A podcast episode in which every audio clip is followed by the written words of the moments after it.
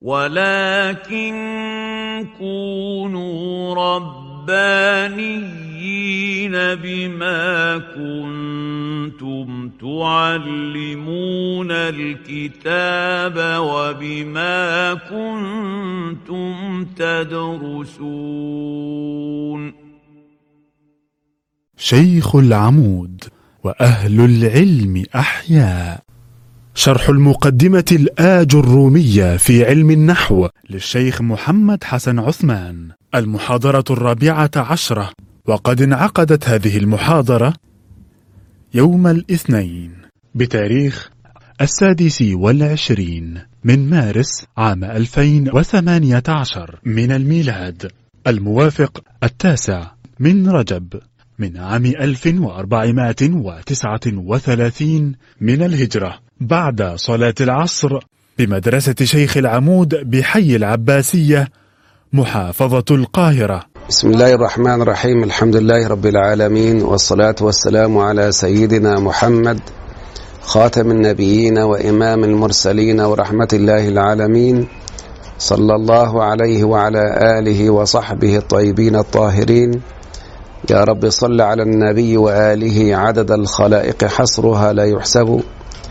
ربي أوزعني أن أشكر نعمتك التي أنعمت علي وعلى والدي وأن أعمل صالحا ترضاه وأصلح لي في ذريتي إني تبت إليك وإني من المسلمين.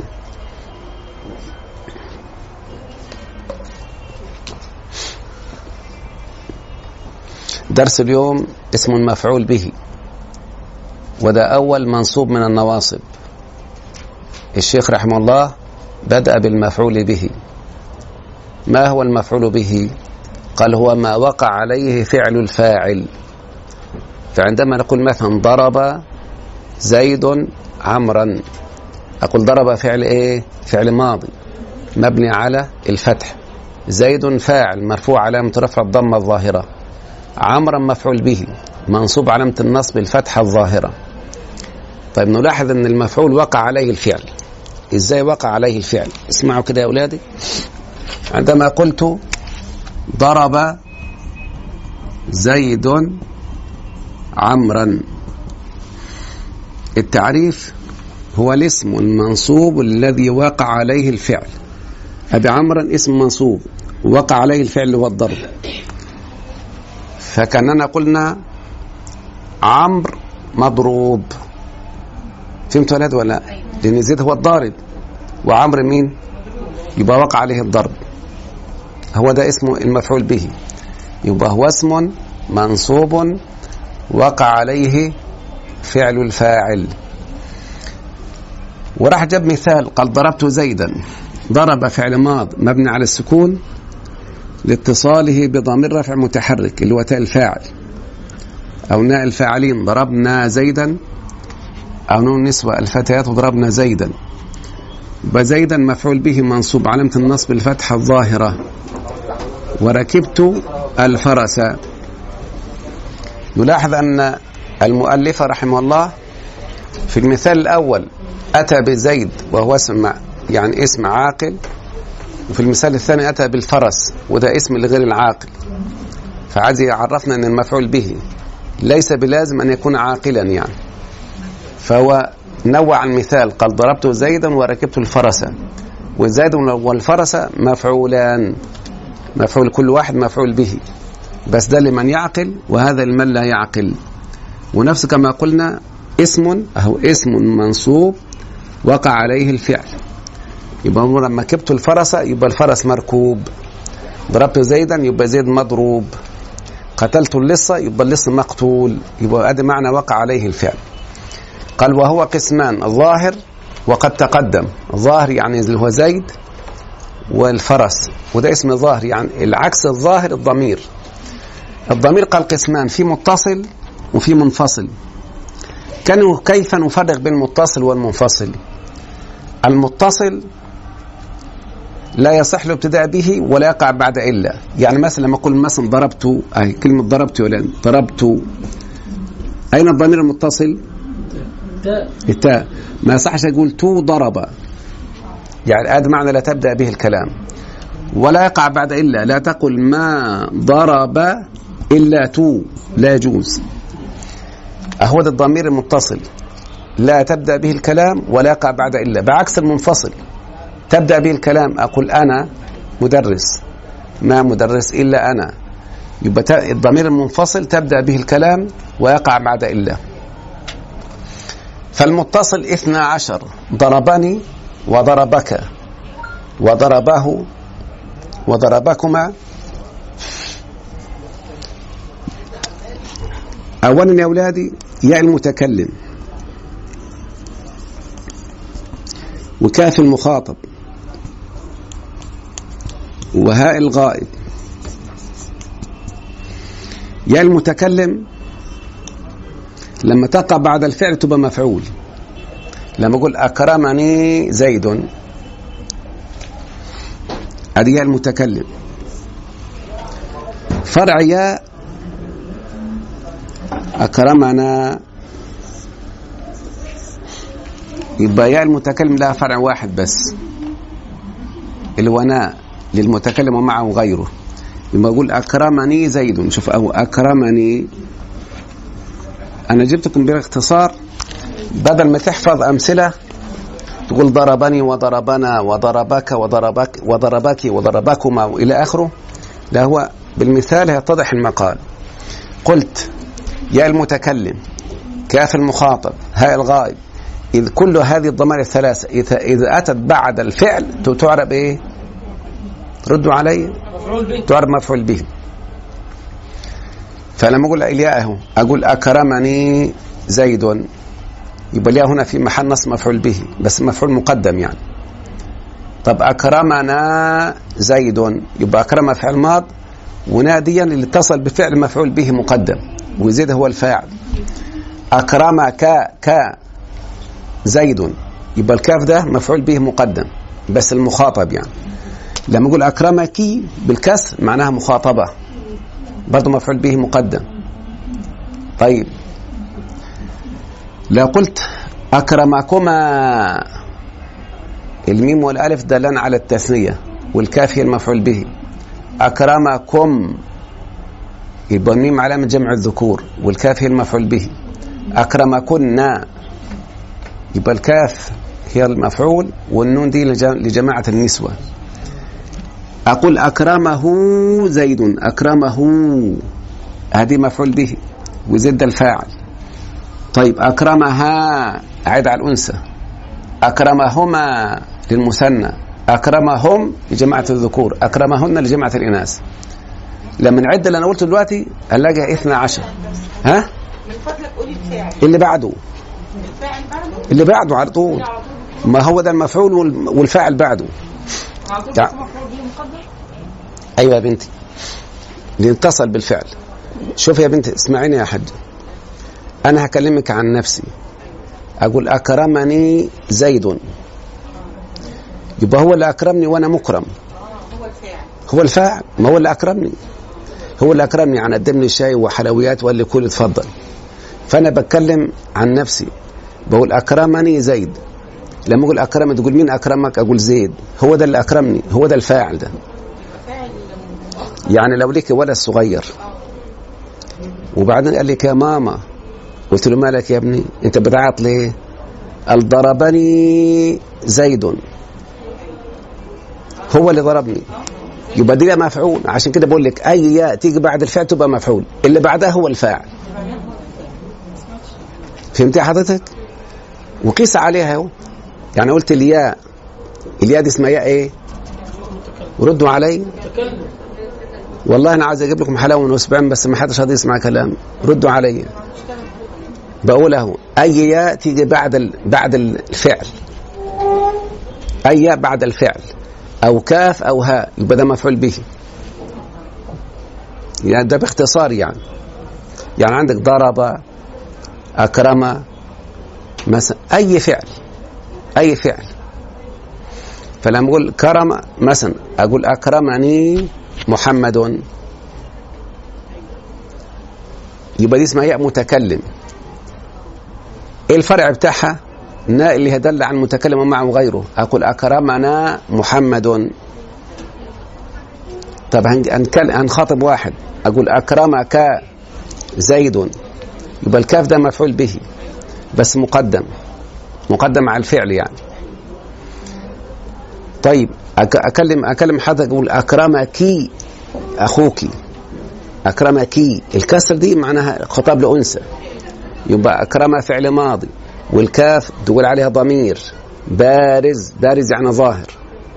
متصل يعني اتصل بالفعل.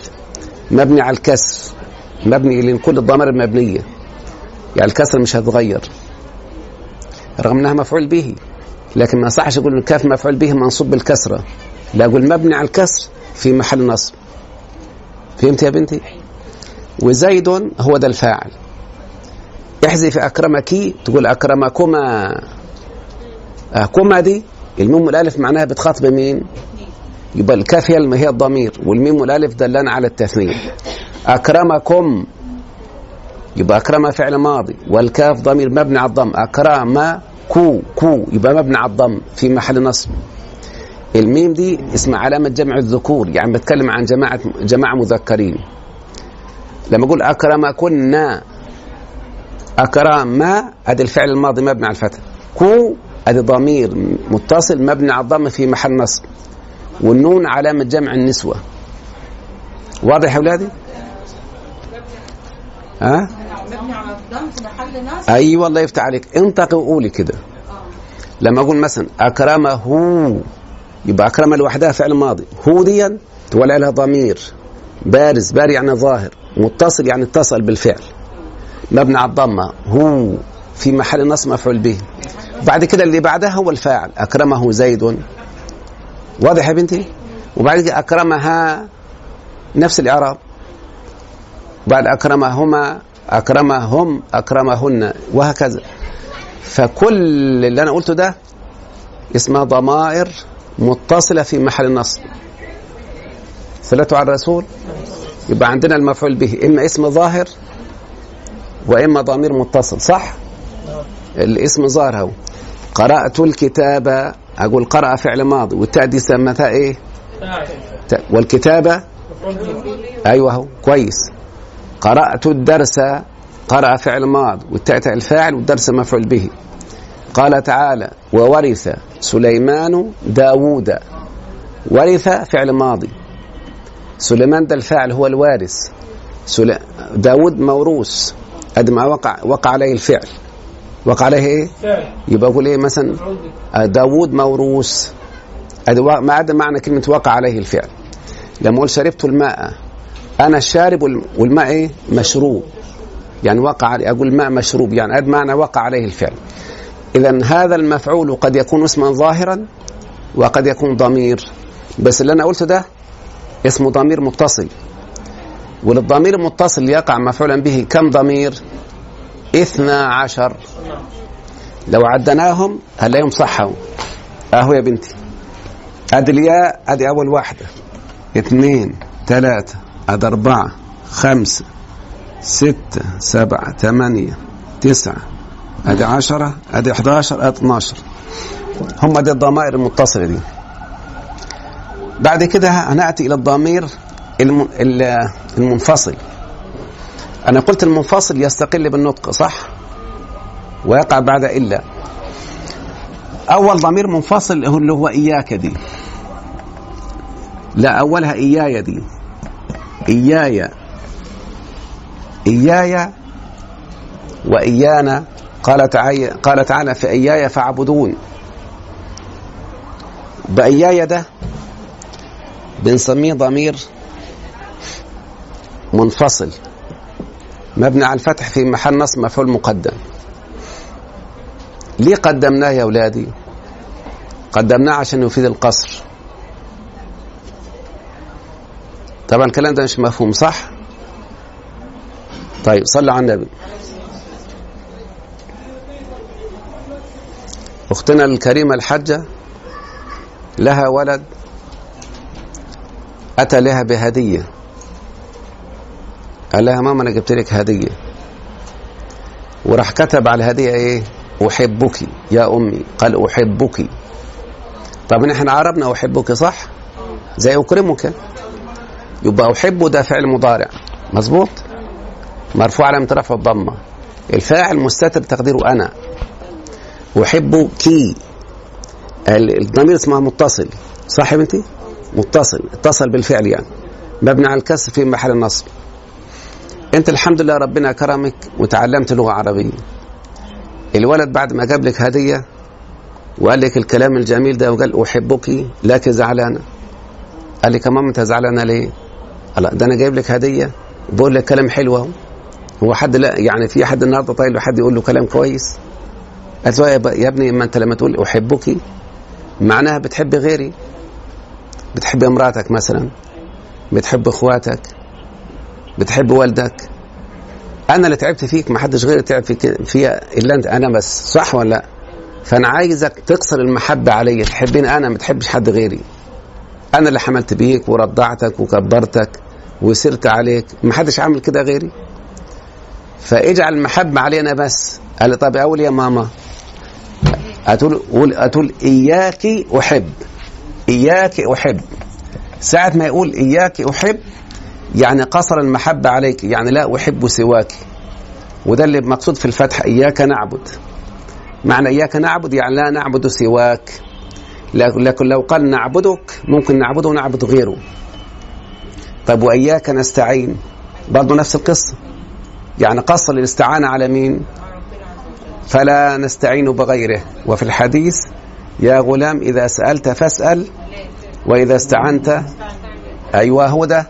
اسمه القصر. عرفت القصر؟ مش معنى القصر يعني قصر الأمير يعني. القصر يعني إثبات الحكم لشيء نفي عما عداه. فلما نقرأ قوله تعالى إياك نعبد وإياك نستعين يعني لا نعبد سواك ولا نستعين بأحد غيرك برضو بنتك كده لما ربنا يكرمها بعريس صالح كده وهو يكون فاهم لغة عربية وهي عارفة لغة عربية بنتك فيجيب لها هدية ويقول إياك وأحب ساعتها زغرت بنتك ليه؟ عشان خلاص ما بيحبش حد غيرك يعني أنت فهمت ولا لا؟ ادي إياك أظن كده واضحة كده؟ طيب شوف لما نقرأ قوله تعالى فإياي فاعبدون. ما قالش اعبدوني قال إياي. فهمت ولا لا؟ ليه قدم المفعول ده؟ عشان يفيد إيه؟ القصر. يعني اقصروا العبادة على لا تعبدوا الأصنام ولا الأوثان ولا الأحجار ولا الكواكب ولا النجوم ولا الشمس ولا أي شيء. صح يا بنتي؟ وفي القرآن الكريم لا تسجدوا ومن آياته الليل والنهار والشمس والقمر. لا تسجدوا للشمس والقمر. واسجدوا لله الذي خلقهن. في واحد يقول الله طب إزاي يقول خلقهن؟ ده ربنا بيقول لا تسجدوا للشمس ولا واسجدوا لله الذي خلقهن. كان مفرد يقول خلقهما. صح؟ مش هو ربنا بيقول لا تسجدوا للشمس ولا للقمر. واسجدوا لله الذي إيه؟ خلقهن. ده جماعة جمعه. وجمع ما لا يعقل يؤنث. يعني يقول مثلا جبال عالية أو عاليات. وقالوا لن تمس النار إلا أيام معدودات. يعني جمع ما لا يعقل يؤنس يعني. الشاهد إزاي القرآن يقول واسجدوا لله الذي خلقهن. ما قالش خلقهما. صح؟ طب نرجع لأول الآية هو ومن آياته الليل والنهار والشمس والقمر. خدوا بالكم معايا. العرب كان بتسجد لليل؟ لا. بيسجدوا النهار لا. بيسجدوا لمين؟ للشمس والقمر. قال لا تسجدوا للشمس ولا إيه؟ واسجدوا لله الذي خلقهن خلق الليل والنهار والشمس والقمر. يبقى هن ده راجع لمين؟ لليل والنهار والشمس والقمر. وعليك السلام وبركاته فهمت يا بنتي؟ طيب. إذا كلمة إياي وإيانا طبعا أنت لما بعد ما عنفت ولدك هتقول يا بعد كده. إياي أحب. يبقى خلاص يا ماما. يعني حبني أنا ما تحبش غيري. فهمتي؟ برضه لما هو والدك والده و... و... يعني الوالد والوالد يقول إيانا أحب. يقول الولد يعني. يا لا تحب سواني أنا وأمك يعني. طيب لما هو يقول لك إياك احب أو يقول لوالده إياك احب أو يقول مثلا لأخويه إياكما أحب أو للإخوة يقول إياكم أحب أو للجمع للأخوات يقول إياكن أحب كل ده مفعول به مقدم. يعني قصر المحبة عليه. نعرف إزاي لأنه. أعوذ بالله من الشيطان الرجيم. إياك نعبد وإياك نستعين. إياك أقول عليها ضمير منفصل مبني على الفتح في محل نصب مفعول مقدم ونعبده فعل مضارع مرفوع علامة رفعه الضمة الظاهرة لأنه لم يسبق بناصب ولا جازم. الفاعل مستتر تقدير نحن. نفسها إياك أحب. ده مبني على الفتح الثاني مبني على الكسر. طب إياكما إياك كان إياك دي إياكما ده ضمير مبني على الضم في محل نصب والميم والألف يدلان على التثنية. وكلمة أحب هذا الفعل المضارع. ده باختصار اللي إحنا قلته ده هو ده المختصر. يبقى المفعول. ها؟ أيوه التحذير يا بنتي لما تقولي مثلا لأخيك إياك والكذب فإياك تقول عليها برضو. ضمير منفصل مبني على الفتح في محل نصب مفعول مقدم. الفعل محذوف تقدير إياك أحذر. يعني قصرت التحذير عليه هو. ما بحذرش عشان أنا بحبك بحذرك أنت ماليش دعوة بالناس التانية. فقل إياك أحذر.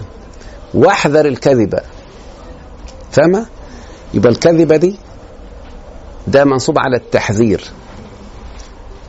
إن في عندنا إغراء وفي عندنا تحذير. الإغراء تنبيه المخاطب على أمر محمود ليفعله. أقول له الصدق والأمانة يعني إلزم. الثاني بحذره أقول إياك والكذبة. أو مثلا الكذبه الكذبه ده اسمه تحذير. بتحذريه من حاجة وحشة. إنما الإغراء بتغريه بحاجه كويسة زي الصدق زي الأمانة. هو ده يا بنت الله. فإياك بتاع التحذير ده برضه فيها في اللي إحنا بنقوله نفسه القصة. لو قلت لأخيك إياك والكذب فإياك تبون عليها برضه ضمير منفصل منفصل يعني مستقل بالنطق. مبني على الفتح في محل نصب مفعول به مقدم. ليه مقدم؟ لأن أنا قصرت التحذير على أخي هو اللي يهمني. بقية الناس لا ماليش علاقة بيهم. يبقى ادي معنى إياك واحذر والفعل هنا محذوف. طيب والكذبه اللي هو بحرف عطف. عطفت جملة على جملة. يعني إياك أحذر وأحذر الكذب. أقول لك حاضر. يبقى الكذبه ده مفعول لفعل محذوف بس على التحذير. يعني بتحذريه ودايما أسلوب التحذير ده يبقى الفعل محذوف وجوبا ما يذكرش يعني. إلا لو كان محذر به بس واحد بس. يعني لو قلت مثلا الكذبة. هنا ممكن تقول احذر كذبة وتقول كذبة بس. لكن لو عطفت يقول هو الكذبة والخيانة. أو كررت الكذبة الكذبة هنا الفعل يحذف وجوبا.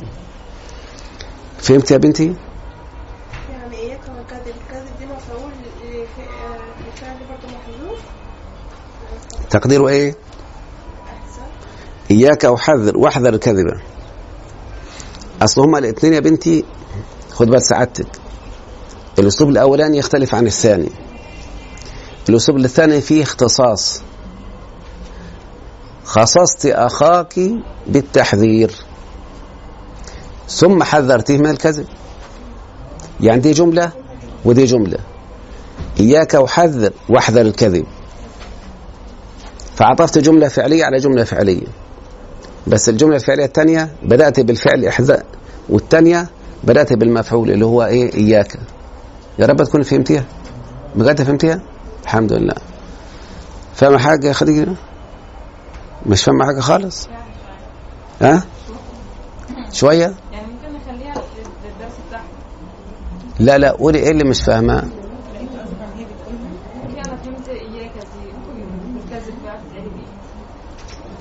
يعني فهمت كل حاجة ما عدا الكذب أنا فهمت إعراب إياك. أيوه. بعد كده بقى يعني كنا بعد إياك. صلي على الرسول عليه الصلاة والسلام. ولا عليه الصلاة والسلام. بص يا بنتي أنت تقولين لأخيك الصغير يعني عامل حاجة وبدأ ملامح وجهه تدل على إنه يعني خايف منك يعني فاضطر للكذب. فقلت له إياك والكذب. مين نصب والكذب منصوبة ليه عشان مفعول به؟ فين الفعل اللي نصبها؟ احذر. يبقى الكذب ده مفعول به منصوب. الكذب مين اللي نصبها؟ في فعل محذوف. طلعيه كده. احذر الكذب يا ولد. أقول لك حاضر. يبقى الكذب مفعول به لفعل محذوف. طب كلمة إياك الأول ده مفعول به. فين الفعل بتاعها؟ برضه محذوف. يعني إياك وحذر زي إياك نعبد سم سم صح ولا لا؟ إياك نعبد. فإياك ده مفعول به مقدم. ليه قدمته علشان أفيد القصر. دايما يا بنتي يا, يا خديجة يا بنتي لما المفعول المتأخر ده لما قدمه يفيد القصر. يعني لو قلت لك مثلا شربت الماء تقول بالهنا والشفا إيه المشكلة؟ يعني يكون شربت عصير برضه ما فيش ما يمنع. لكن لو قدمت المفعول أقول لك الماء شربته لو أنت فاهمه لغة عربية تقول يا أنا آسف يا أستاذ أنا هجيب لك أحلى حاجة وأديها لك. معناها بقول لك الماء شربت معناها طول النهار ما دخلش بطني إلا المية بس. فهمت يا بنتي؟ دايما كل ما حقه التأخير ويقدم يفيد القصر. رد يا ابني قول لها عندي محاضره السلام عليكم ورحمة الله وبركاته ازيك يا حاج سمعاني يا بنتي؟ آه. سمعاني يا بنتي؟ أي حاجة تؤخر وتقدم لما تؤخر يبقى حق التأخير وتقدم تفيد القصر. عندك مثلا الجار والمجرور. دام الجار موجود حقه التأخير. سمعاني يا بنتي؟ جلست خديجة في المسجد. أخرت الجار والمجرور. صح؟ إيه المانع إنك كنت قبل ما تجلس في المسجد جلست في البيت. ما فيش مانع. لكن في المسجد جلس خديجة معناها قصرت ما, ما, ما, ما بتجلس إلا في المسجد بس. عشان كده شوف إليه مرجعكم. وعلى الله فليتوكل المؤمنون. أصلا يتوكل المؤمن على الله. لما قدم يعني لا يتوكلون إلا على الله. وذاك لما تأمل القرآن كده وتدبري إن الشيطان لكم عدو. اصلها يا بنتي إن الشيطان عدو لكم. فاهمة؟ لما تقدم معناها بيقول لنا إيه ربنا سبحانه وتعالى؟ عداوته مقصورة عليكم أنتم ما بيعاديش حد غيركم. لو قال إن الشيطان عدو لكم ممكن يعادينا وعادي غيرنا. لكن إن الشيطان لكم عدو معناه عداوتهم قاصرة عليكم فلا يعادي غيركم. يا رب تكوني فهمتي يبقى عرفت أسلوب التحذير؟ أظن واضحة كده؟ فهمتي يا بنتي؟ يعني النهارده من النهارده اديك فهمت أسلوب القصر. لما ربنا يكرمك بعريس صالح كده ويقول لك أحبك تقول لا قديمة بقى. يعني لا احب العب على غيري بالقصة دي. أنا أنا عايزه تقول لي كلام معناها تقصد محبة علي لا على غيري. لما يقول لك أحبك معناها بيحب واحدة ثانية صح؟ وأنت طبعا مش هترضى بكده. ها؟ أيوه لازم تقول لازم يقول لك إياك أحب. لما أقول لك إياك أحب يبقى خلاص يبقى معناها إيه؟ يعني لا أحب سواك يبقى كده خلاص أنت زغرت وتفرحي ها؟ لازم تعلم لغة عربية في الحالة دي عشان يبقى أيوه لازم. لازم صح. الأول يعذر بجهله. الأول يعذر بجهله. لكن طالما علمتيه الحمد لله كده فهمتي. طيب مين اللي عنده سؤال يسأل؟ اتفضل طيب إحنا في الضمير الظاهر هو التاء صح وفي الضمير ال- المضمر المفعول به المضمر بيبقى التاء والهاء وال- والياء صح كده؟ اللي هي موجودة في ضرباني أو ضربانها أو ضرباك وهكذا يبقى الياء الأخ الكريم بيسأل عن الضمير. الضمير يعني. شوف يا ولدي في ضمير. في ضمير ظاهر وفي ضمير مستتر. المستتر يعني ما يظهرش في الكلام. خالص.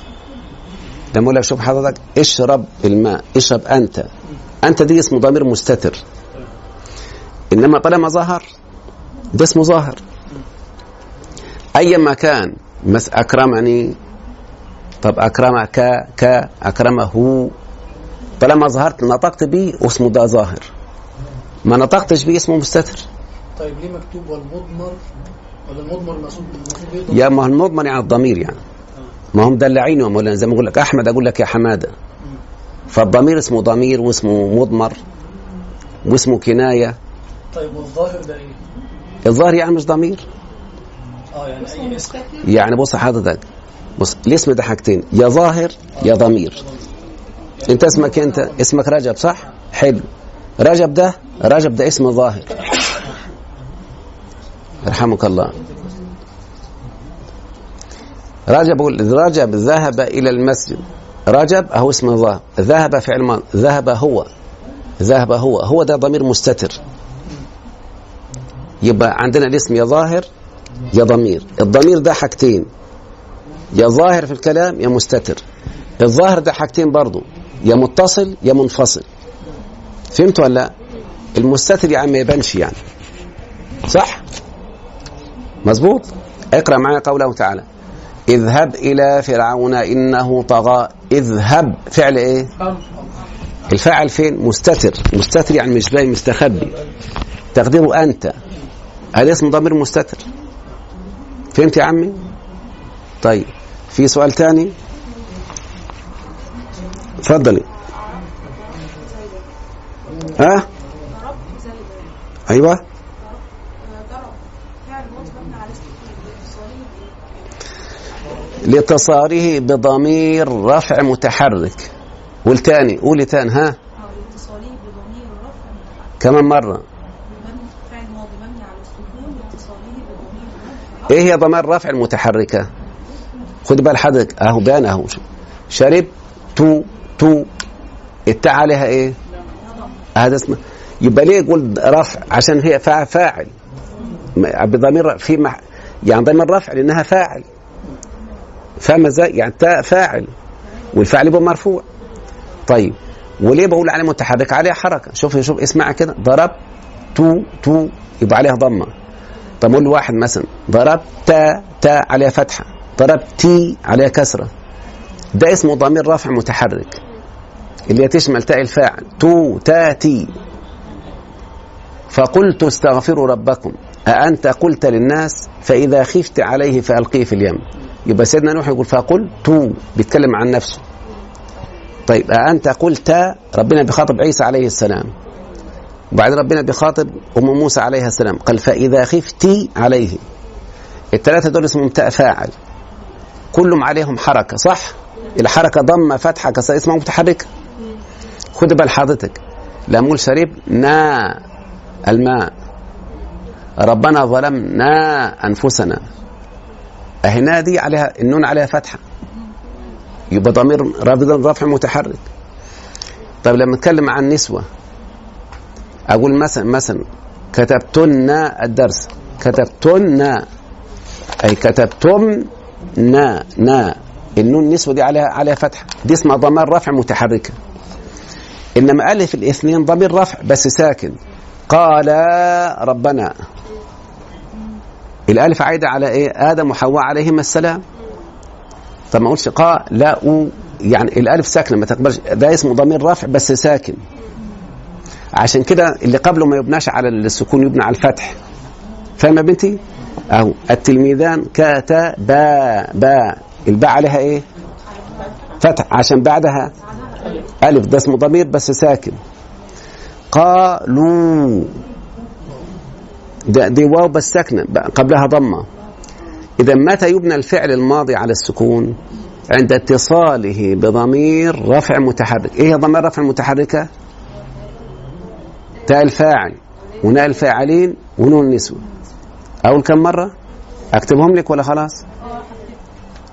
طيب أكتبهم أنا ولا فهمت؟ طيب. اللي ألف الاثنين؟ بس. والواو هي النواة الجماعة دي؟ أي ما مبني على الفتح هي. إن الفعل الماضي يبنى على الفتح في ثلاثة في ثلاثة مواضع. إذا لم يتصل بآخره شيء زي كتب قرأ جلس أو اتصل بآخره ألف اثنين. كتب قال أو اتصل به تاء التأنيث الساكنة زي قالت. قالت امرأة العزيز. اللي عنده سؤال تاني؟ يسأل ما فيش أي سؤال؟ عندك سؤال يا خديجة؟ طيب الدرس فهمتي كاملا؟ ولا في حاجات لسه؟ كل مفهوم؟ طيب يلا يا عربي كده فهمتوا الدرس. هو درس النهارده ده. السؤال درس النهارده. لا. لسه قايلها البنت دي هي دي اللي وراها كده مبني على إيه؟ أيوه. ما أنت بص بص يا بنتي عشان ما تلخبطيش. اتكلمي واسمع نفسك. بص شوف فهم. اهي الميم ساكنة. يعني ما تقعدش تفكر كتير. اسمع نفسك وقولي بس. يعني بص يا حضرتك بص لما أقول كتبت جلس. السين ساكنة أهي. تو. مبني على السكون. هتبين السبب. كأني سالم بسبب طب ليه مبني على السكون؟ من غير ما أسألك أنت تجاوبي. تقول اتصاله بتاء الفاعل أو اتصالي بضمير رفع. لما تقول بضمير رفع أحسن. عشان لما أقول له اتصالي بتاء, الفاعل ربما يتوهم السامع ان لا يبنى على سكون إلا عند اتصالي بتاء الفاعل. لكن لازم تقولي إجابتك صح. بضمير رفع متحرك. فهمتيها؟ تعرف تعرف التاء إيه؟ آه، تاء الفعل ده ضمير متصل مبني على الضم محل رفع فعل ما شاء الله كويس. والدرس ليس مم مفعول به؟ ما شاء الله تبارك الله ما شاء الله ما شاء الله. ده حاجة عظمة خالص. ما شاء الله تبارك الله. كده حلو خالص. امسح عم الدرس واكتب اللي بعده يلا.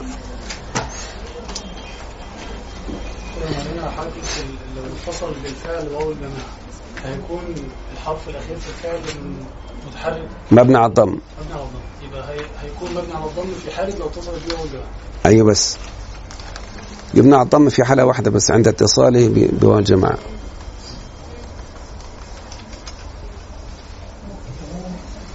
أنت جيت قبل كده يا بنتي؟ أول مرة تحضر؟ طيب معاكي؟ طيب إن شاء الله تحضر على طول دايما الحضور يا أولاد مهم جدا حتى أنا بسأل أختنا الكريمة قلنا في ناس كانت بتحضر وغابت يعني قالوا بيسمعوا لا التلقي أفضل بكتير. على الأقل أنت قدامي بتسالين تقول لا مش فاهمة. طب فهمني تاني صح ولا لا؟ إنما لما تسمع يعني هتضرب الشاشه اللي قدامها وتقول مش فاهمة رجعي لي مش هتم مش لازم التلقي مطلوب. عشان كده الواحد يحرص على إن يتلقى العلم مباشرة. ده أفيد بكتير يعني. ولما الإنسان ربنا يكرمه ويمن عليه بالفهم خلاص ما عندوش مشكلة خلاص. يستطيع إنه يشرح ويدرس ويبقى كويس إن شاء الله. مبنية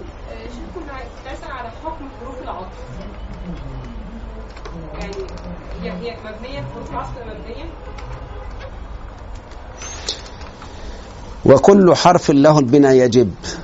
ده كلام الشيخ في الألفية. كل الحروف مبنية. كل الحروف يا بنت ب- بصفة عامة كل الحروف. حروف عطف حروف جر حروف ناسخة أي حرف يعجبك كله مبني. يعني إن تقول حرف مبني على الفتح. طب من حرف جر مبني على السكون. طب الواو مثلا مثلا ذهب زيد وعمر و حرف مبني على الفتح في آه، مالوش محل من الإعراب. كل الحروف ايا كان نوعها مبنية. والأس والاسم أصلا لا يبنى إلا إذا أشبه الحرف. يعني الأصل في البناء أصل الأسماء معربة. يعني مثلا محمد رأيت محمدا سلمت على محمد. الاسم معرب يعني شكله آخر يتغير. سمعني؟ لا يبنى إلا إذا إذا أشبه الحرف. والاسم منه معرب ومبني لشبه من الحروف مدني يعني قريب. فكل الأسماء معربة إلا إذا أشبهت الحروف تبنى. والله ده كتير. عايز تعرفيهم زي إيه يعني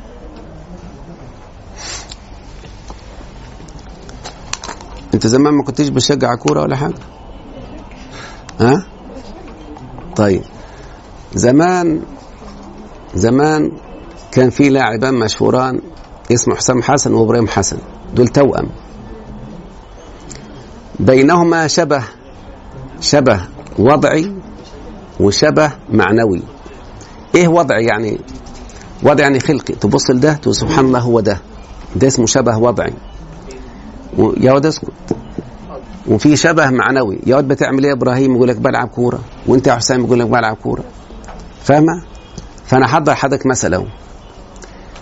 لو أنت قلت جلست في الفصل يعني بجلس كده؟ الله يفتح عليك. والتاء يا ترى تاء الفاعل ده اسم ولا فعل ولا حرف؟ ولا أي حاجة ما تخافيش. لا اسم. إزاي ده فاعل يا بنتي؟ يا بني إزاي حرف هو فاعل؟ الحرف ما بيبقاش فاعل أصلا. يعني ينفع أقول مثلا جلست من؟ ما ينفعش. جلست فيه فطالما عربتها فاعل تبقى اسم على طول. انت حضرتك اسمك إيه؟ خديجة برضو؟ هدير. هدير. يعني بقول جلست هدير. ما هي هدير دي؟ جلست. يعني التاء دي نابت عن هدير دي. ما ده ضمير يعني نابع عن, عن الاسم اللي هو هدير ده. فبقول جلست هدير هذا الاسم أقول جلست انت بتتكلم عن نفسك يعني اللي هو هدير. يبقى التاء دي اسم ولا فعل ولا حرف؟ اسم. الاسم ده ربنا سبحانه وتعالى خلقه على كم حرف هجائي؟ حرف واحد. طيب لما نقول والفجر الواو دي واو القسم. واو القسم يعني هذا حرف من حروف القسم يعني. الواو والتاء والباء والله تالله بالله. يبقى لما جلست و وادي التاء اسم والواو حرف. دي أشبه دي في الوضع. يعني ربنا خلق دي على حرف واحد ودي خلق على حرف واحد. زي الواد حسام وإبراهيم. فهمت يا بنتي؟ ده شكل ده. ده اسمه ده اسمه شبه وضعي. اسمه شبه إيه؟ رد علي. وضعي وضع يعني خلقي يعني. طب لما أقول مثلا جلسنا ربنا ظلمنا نادي كم حرف؟ وده اسم فاعل اهي طب أشبه زي من أو في أو عن وضعت على حرفين. ده اسمه شبه وضعي. يبقى ليه لما أقول جلست تو تو؟ ده ضمير مبني على الضم. ليه مبني؟ لأنه أشبه الحرف في الوضع. فهمتي؟ طب نا لما أقول كتبنا الدرس نا أقول ضمير متصل مبني في محل رفع. ليه مبني؟ عشان أشبه الحرف اللي هو على اثنين يعني زي من. طيب لما أقول لك مثلا هل أنت طالبة هل حرف استفهام. ماشي؟ طب أقول لك مثلا متى تسافرين؟ ده اسم استفهام. لاحظ إن متى كم حرف؟ ثلاثة. لكن هل؟ يبقى ما فيش شبه وضعي. في شبه استعمال معنوي يعني. يعني دي, دي أنت بتدل تدل على استفهام ودي استفهام. يبقى اشبهتها أشبهتها في الاستعمال يعني. فهمت حضرتك؟ ده نوع من أنواع ده بيبقى عندنا كل اسم لازم يبقى معرب إلا اذا اشبه الحرف. فهمتها؟ طيب الله يفتح عليك انت وكلم الله موسى تكليما. أهو ده التكليم ده هو التصريف الثالث الفعل إزاي أصرف الكلمة؟ أجيب الفعل الماضي. بعد كده المضارع بعد كده المصدر. فلما نقول قام ده ماضي. يقوم ده المضارع. قيام ده المصدر. صام يصوم صياما. اهو ده المصدر ده. اللي بيسموه التصريف الثالث الفعل. ما أعرفش بتقولوا إيه في الانجليزي التصريف الثالث ده. ما حدش عارف انجليزي؟ أي هو ده. هو ده التصريف الثالث. ده صام يصوم صيام. قام يقوم قيام. جلس يجلس جلوس. قعد يقعد قعود. هو ده التصريف الثالث. ده هو ده المصدر اللي هو التصريف الثالث. هو قال هو الاسم المنصوب الذي يجيء ثالثا في تصريف الفعل. يعني إيه تصريف الفعل؟ في فعل جامد يا شيخنا؟ زي مثلا ليس. ده ما يأتيش منه مضارع ولا أمر ولا ما, ما ينفعش يقول ليس لسلس ده اسمه فعل جامد. إحنا عايزين الفعل المتصرف اللي نجيب منه الماضي والمضارع والأمر. قام يقوم قم. فأنا عايزين الماضي والمضارع وبعد المضارع أجيب المصدر مباشرة. آه، عشان كده سميناه التصريف الثالث. لما يكون منصوب يبقى مفعول مطلق. يعني أي مصدر يبقى منصوب هنا هيبقى مفعول مطلق. المفعول المطلق ده ليه سموه مطلق؟ سموه مطلق لأنه ليس مقيد كبقية المفاعيل. يعني الدرس اللي قبل كده محمد اسمه إيه؟ مفعول به. صح؟ مفعول به. يعني جبنا كلمة به ده. في مفعول له. في مفعول فيه. في مفعول معه. كل المفاعيل مقيدة بحرف جر. فهمتوا ولا لا؟ لكن ده مطلق. يقول إيه؟ وكلم الله موسى تكليما. مفعول مطلق. معنى مطلق يعني ليس مقيد بحرف من حروف الجر. فهمت ولادي؟ طب ليه المفعول ده بيأتي في الكلام؟ اسمع يا أستاذة هدير حضرتك رحت عند خديجة. وخديجة راحت إيه أكرمتك وقابلتك يعني غدا كويس كده؟ وقالت لك اتفضلي. أنت كنت واكلة فأكلت عشان يعني برضه ما تزعلش فأكلت كده أكل خفيف يعني. فقالت كل الطعام. ما أنا أكلت. لا الأكل زي ما هو. أكيد ما عجبكيش. فحبيت تأكدي إنك أكلت. تقول أكلت الطعام اكلا. أو ده اسمه في المطلق ذكر للتوكيد الفعل. قالت لك بالعكس الأكل زي ما هو. حبيت تبين نوع الأكل. أكلت الطعام اكلا كثيرا. يبقى بينت نوع الأكل. طيب حبيت تبيني عدد الط... بالمصدر ده. تقول أكلت الطعام أكلتين. يبقى المفعول مطلق يؤتى به في كلام العرب لكم غرض إما لتأكيد الفعل أو بيان نوع الفعل أو بيان عدد الفعل. وكلم الله موسى. لو الشخص العادي سمع وكلم الله موسى طب كلمه إزاي؟ ومربنا أكد. تكليما. يبقى خلاص إيه؟ ده تأكيد. يعني يذكر هنا للتأكيد. يا أيها الذين آمنوا اذكروا الله ذكرا. أهو ده المفعول المطلق. بين نوع الذكر قال كثيرا. لو قال ذكرا بس لقلت في حياتك كلها لا إله إلا الله مرة خلاص يبقى قلت ذكرت ربنا إنما قال ذكرا إيه؟ يبقى ده بين نوع الذكر. وربنا سبحانه وتعالى قال لسيدنا يحيى قال لسيدنا زكريا آياتك ألا تكلم الناس ثلاثة إلا رمزا. قال واذكر ربك إيه؟ كثيرا, كثيرا. يعني ذكرا كثيرا. طيب قال قال تعالى فاجدوهم ثمانين جلدة. ده بين نوع الجلد يعني. فالمفعول مطلق الغرض منه ثلاثة إما التأكيد الفعل أو بأن نوع الفعل أو بأن عدد الفعل. مثال تاني أخونا محمد له صديق. صديقه ده لم يأتي للدراسة ولا يوم. وفجأة محمد وجد ونجح قال والله شيء عجيب. طب نجحت إزاي؟ قال نجحت في الامتحان. وإنت ما عقلت تنجح قال نجحت في الامتحان نجاحا. ده للتأكيد أهو. برضه انت نجحت برضه قد نجحت في الامتحان نجاحا عظيما. مبين للنوع أو نجحت نجاحين. هو ده الغرض يا أولاد. فهمتوا؟ ولا صعب عليكم؟ ثم قال المفعول المطلق وهو قسمان لفظي ومعنوي. يعني إيه حكاية لفظي ومعنوي؟ اللفظي يعني المفعول المصدر ده يبقى من نفس لفظ الفعل. لما أقول يا ولدي قعدت في الفصل قعودا يبقى قعودا هي من نفس القاعدة لا أقول قعدت قعدت في الفصل جلوسا. آه لا ينفع. ما هو إما يوافق الفعل في اللفظ أو في المعنى. ما المفعول المطلق يا بنتي. إما أن يوافق الفعل في اللفظ. زي وكلم الله موسى. اذكروا الله ذكرا كثيرا.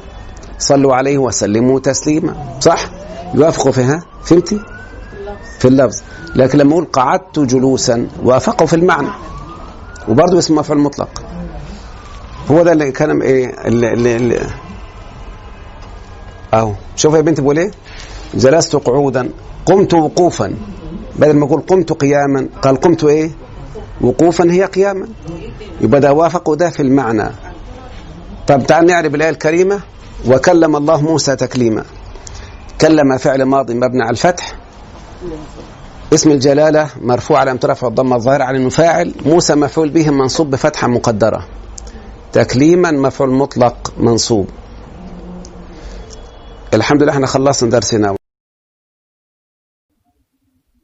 هُوَ الَّذِي بَعَثَ فِي الْأُمِّيِّينَ رَسُولًا مِّنْهُمْ يَتْلُو عَلَيْهِمْ آيَاتِهِ وَيُزَكِّيهِمْ وَيُعَلِّمُهُمُ الْكِتَابَ وَالْحِكْمَةَ وَإِن كَانُوا مِن قَبْلُ لَفِي ضَلَالٍ